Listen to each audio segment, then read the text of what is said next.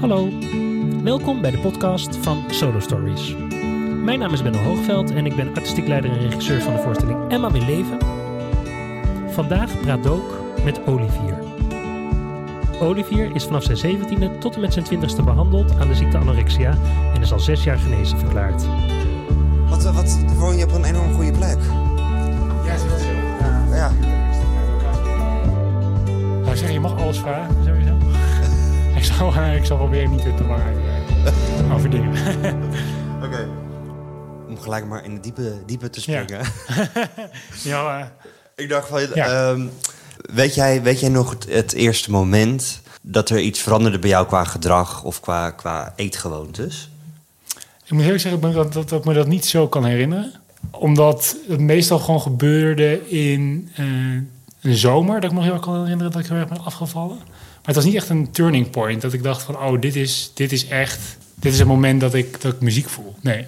Nee? Nee, nee, ook omdat het zo geleidelijk gaat. Maar als je omgeving vraagt, wanneer merkte u of jij, wanneer je kind eh, de ziekte ontwikkelt, eh, dan zeggen heel veel mensen ook, ja, dat was, niet, dat was niet één moment. Daar zitten heel veel stappen in. En dat gold voor mezelf eigenlijk ook. Dus dat is heel, in die zin ook een beetje een eh ja, naar woord om te zeggen eigenlijk in, in het kader van, van, eh, van Emma. Maar het is een sluipmoordenaar. Eh het komt, gaat heel geleidelijk en, en zonder dat je dat door hebt. En dat geldt eigenlijk ook voor, voor, voor mezelf met de ziekte. Dus je dacht, ja, het was niet zo bewust van, oh nee, ik laat het weg of zo. Maar opeens was het er gewoon echt. Was het er voor jou echt dat je bijspreekt op de een of andere dag? Nee, Dag. nee, want het is nee, eigenlijk niet. Want het is een enorme ontkenning. Ehm dus ook, ja, zelfs als je, zelfs toen ik in het ziekenhuis lag, had ik niet zoiets van, oh, ik ben echt, ik heb, ik heb een eetstoornis. Ik wist wel dat er iets mis was natuurlijk, maar het is niet, je zit echt in een, ik, zat, ik zelf zat echt in een fase van ontkenning. Dus, het, dus, dus er is ook geen moment dat je tegen jezelf zegt, oh, ik heb echt een eetstoornis, of ik heb anorexia nervosa, of ik heb, ik heb een probleem. Of, eh, dus dat, ik denk dat dat wel, dat- dat- daar zit geen turning point in. Ja, en hoe was dan het moment dat, dat je opeens dit dan zo op je bord kreeg? Zo van, eh, Ja, heel verdrietig, heel pijnlijk. Maar het lastige is, is dat, of het lastige misschien wel een van de hele, fijne, hele kleine benefits van de ziekte is als je zo, eh, nou weet je, die ziekte maak je door, je bent dan zo vermagerd dat je ook zo vlak wordt qua emotie. Dus dat dingen je ook niet zoveel meer doen.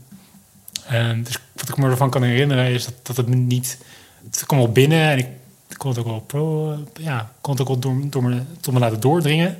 Maar eh, ja, ik was gewoon zo vlak qua emotie dat ik er eigenlijk er heel weinig bij voelde. Dus het echt het voelen van emoties, dat kwam ook weer bij eh, het, aankwo- het aankomen van eten. Dat tenminste aankomen qua gewicht eh, door te eten. Dus, dus ik denk dat dat, ja, mijn emoties waren heel vlak op dat moment. Ja. ben je dan gelijk opgenomen of hoe is dat gegaan? Nee, ik was eigenlijk daarvoor opgenomen. Dus het proces begint eigenlijk precies het verhaal wat je ook bij Emma ziet. Is je, gaat, je hebt natuurlijk een omgeving die zich zorgen maakt. Die gaat zeggen, moeten we die naar een dokter? En dan ga je naar een huisarts. Nou, die herkent de ziekte niet. Zeker toen niet. Daar komt het bij dat ik ook een, jongen was... waar de ziekte veel minder bij voorkomt dan bij meisjes. Dus die herkende dat helemaal niet. Ondanks het tijdje wel bij een dokter zit. Dus dat is eigenlijk de eerste stap. Nou, vervolgens wordt je ziekte alleen maar erger. Je vermagert nog meer. Want het is in die zin vind ik anorexia typisch een ziekte die progressief is. Als in, of, een, of een verslaving, zoals die ook vaak wordt genoemd. Je kan hem alleen volhouden als je, als je er steeds meer van gaat doen. Net als alcohol. Je blijft alcoholist door alleen maar steeds meer te gaan, te gaan drinken. Dus nadat we naar die huisarts waren geweest, werd het ook steeds erger. Ehm, tot op een punt dat ik er zelf gewoon zo ja, niet meer kon functioneren. Ehm, dat ik zelf hulp ben gaan zoeken. Dus voor mijn gevoel heb ik een soort van opbouw van de ziekte gehad. Dan een opname.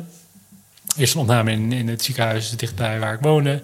Eh, Maar toen dat niet meer houdbaar was, eh, ben ik toen overgeplaatst naar het AMC. En daar denk ik zo'n zes weken verbleven.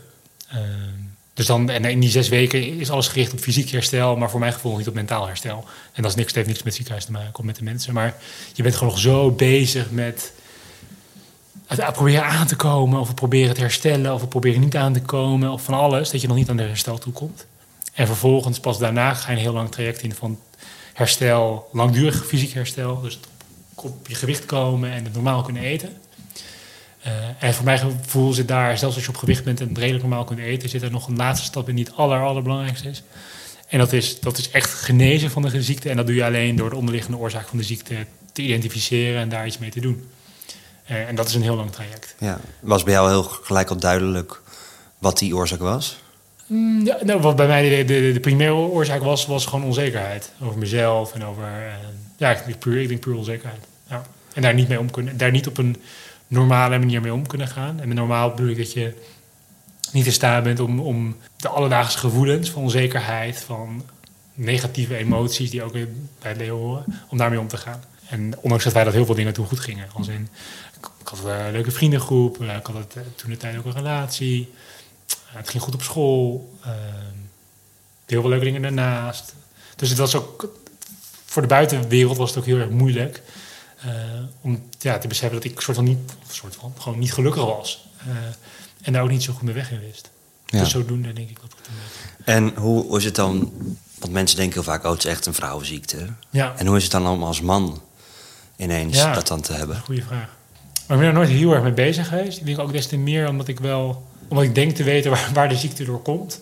Uh, omdat ik, ik denk de ziekte te begrijpen, wat daaronder ligt. En ik denk dat dat niet per se te maken heeft met vrouw-man, maar wel met het feit dat vrouwen daar gevoeliger voor zijn dan mannen. Ik denk dat vrouwen wel per nature uh, onzekerder zijn dan mannen, of daar meer last van hebben. Ik denk, toevallig heeft Annemida ook een keer geloof ik een, een uh, artikel aan gerepareerd. De manier waarop hormonen zich ontwikkelen in de puberteit is bij vrouwen veel meer op en neer dan bij mannen. Dus ik, ik zou wel kunnen verklaren waarom het meer een vrouwenziekte is dan mannen, los van maar ik denk, ik geloof niet in die hypothese, maar het is puur mezelf hoor.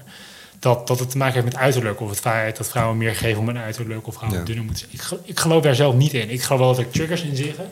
Namelijk bijvoorbeeld in de, in de topsportwereld of in de moderne wereld. Maar ik geloof niet dat dat een oorzaak is van een, van een eetstoornis. Dat, dat, dat denk ik absoluut niet. En eetstoornis, en dat, eetstoornis heeft in die zin ook niks te maken met eten. Ik denk dat dat de grootste misvatting ja. is over een eetstoornis. Het heeft, het heeft echt niks te maken met eten. Het is het enige wat het te maken heeft met eten is dat het daar zich in manifesteert. Maar daar houdt het ook echt op, uh, denk ik.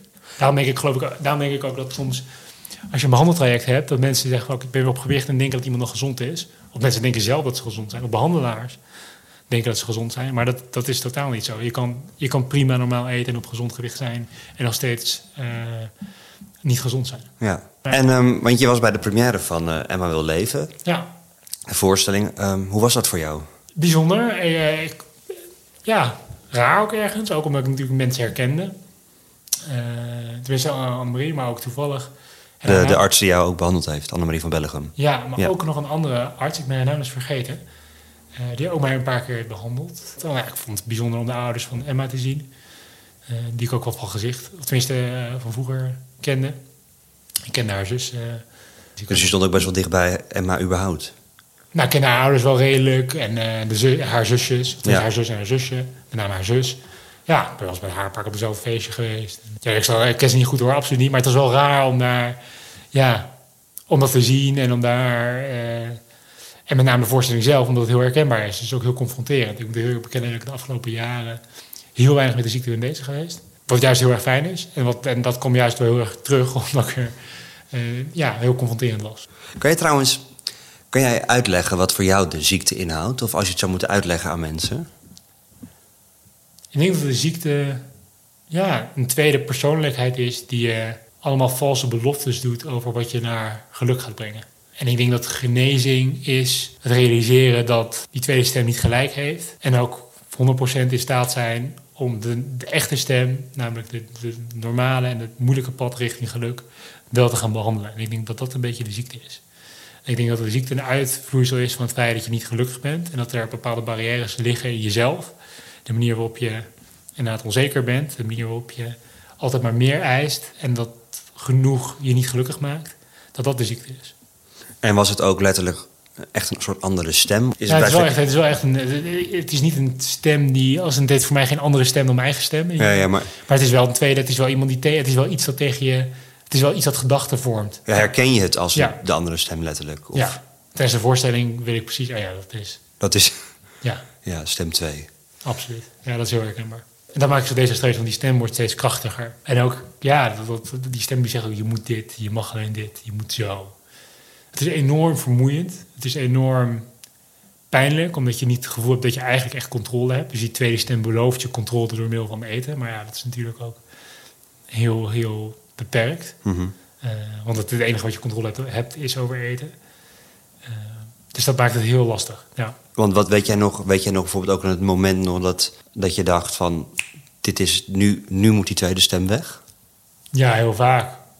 Ja, heel of vaak gebeurt dat vaker en ga je dan weer terug, toch weer Heel, terug? heel vaak gewild dat hij wel- dat het wegging. En dat ik denk, hoe, ja, hoe kun je dit uitzetten? Zit er hier een aan- aan- of uitknop aan?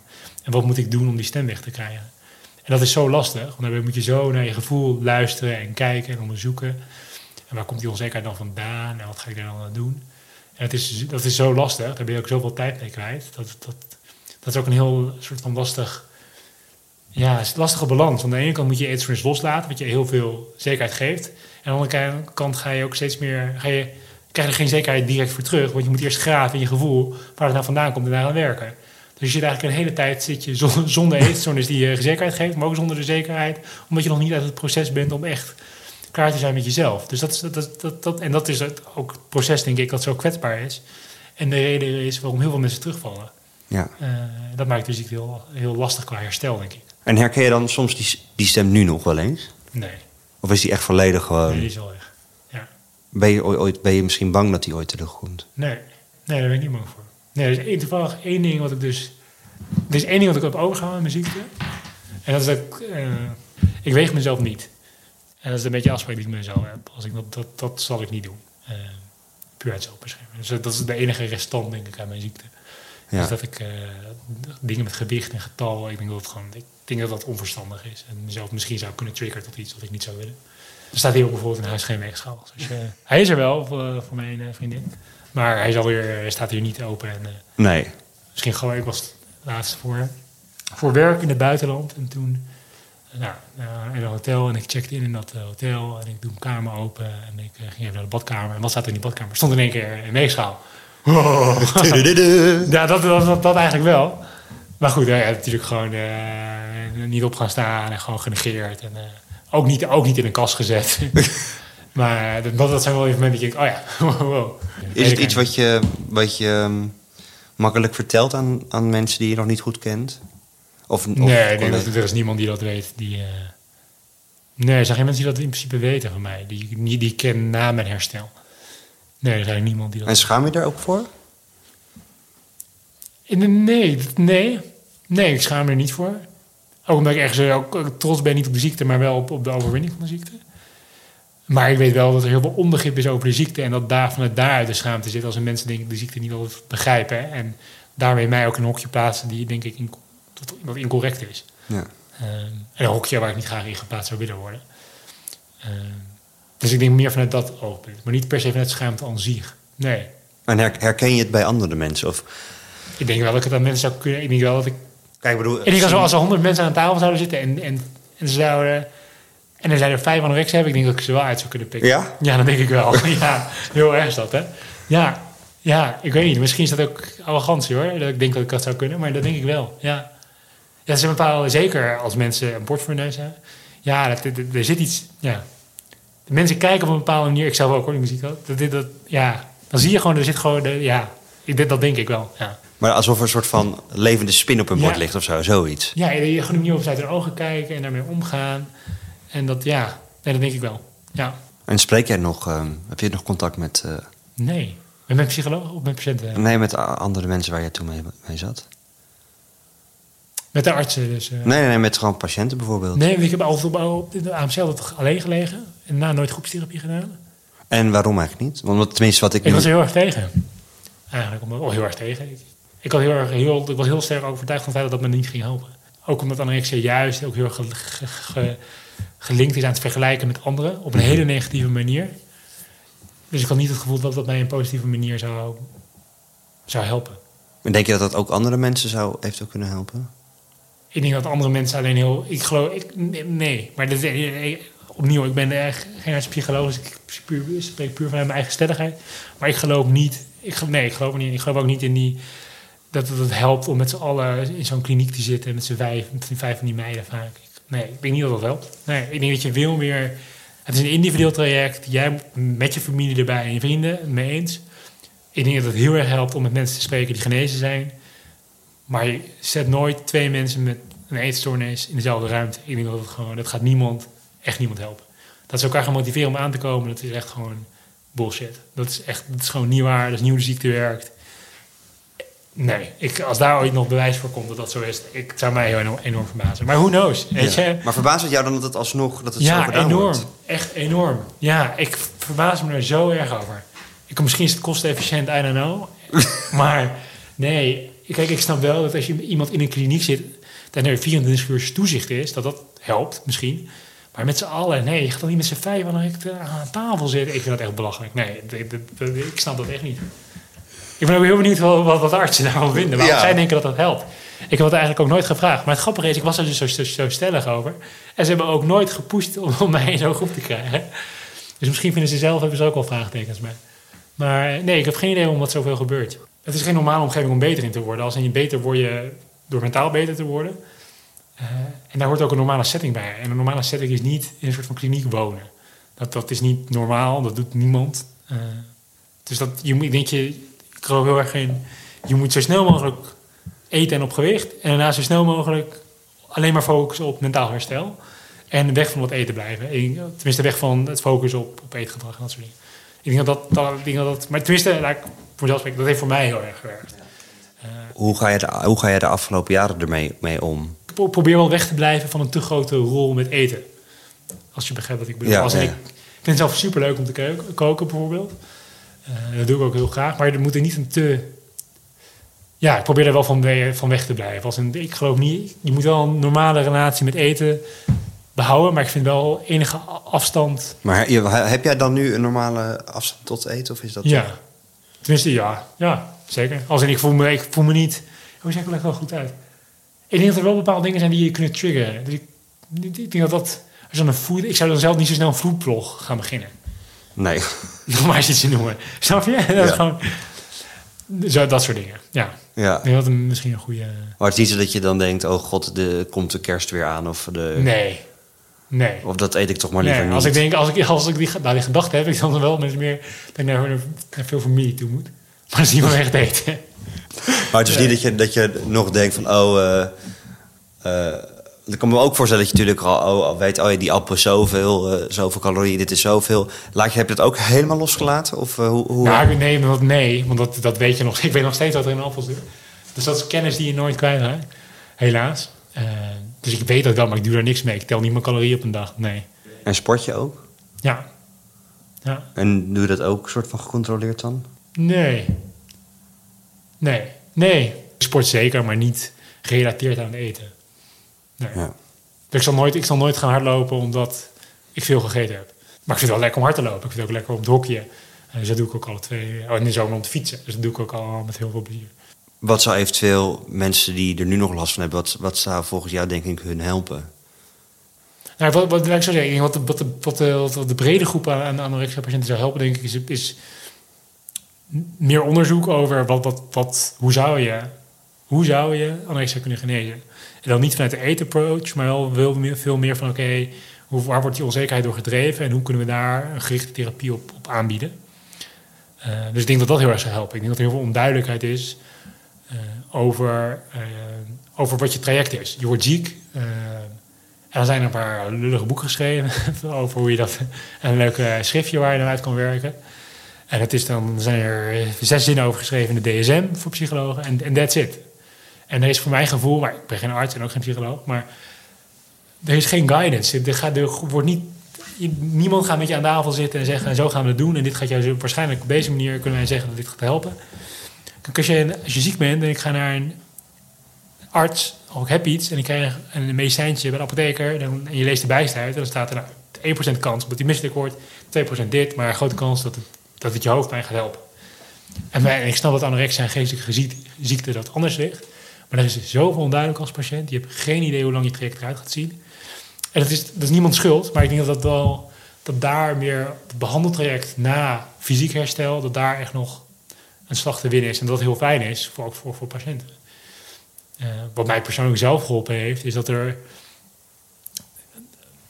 Is dat er echt gezocht is naar waarom ben je nou zo onzeker? In welke patronen zit dat? Hoe kan je die patronen doorbreken?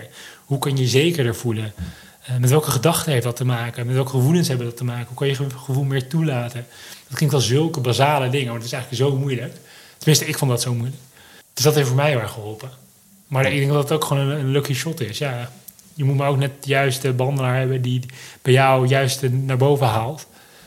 Uh, maar als je dat niet hebt, dan blijf je heel lang in de ziekte zitten. Ja. Wat je dus ook bij ja, toch een substantieel aantal patiënten ziet. Mochten er mensen luisteren met een eetstoornis, ik ik ze heel veel sterkte toe. Het is heel veel succes. En dat er altijd een weg is om te herstellen. Uh, en dat ik heel erg hoop dat er meer bekend wordt over het behandeltraject. Uh, maar dat ik heel erg meeleef met alle mensen die aan de ziekte lijden. Uh, en met de mensen in mijn omgeving voel je dat ook heel zwaar is. Want ik weet dat dat niet, dat die mensen, dat dat heel pijnlijk is en heel verdrietig. En ik denk dat dat, ja, dat ik heel erg met die groep heel erg meeleef.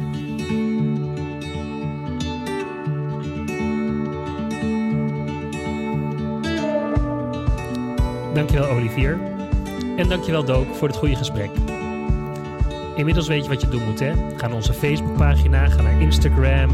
Luister vooral naar de andere afleveringen van deze podcast. En op die manier blijf je op de hoogte van alle activiteiten van Solo Stories. En op onze website vind je de speellijst www.solostories.nl. Tot de volgende keer. Ciao.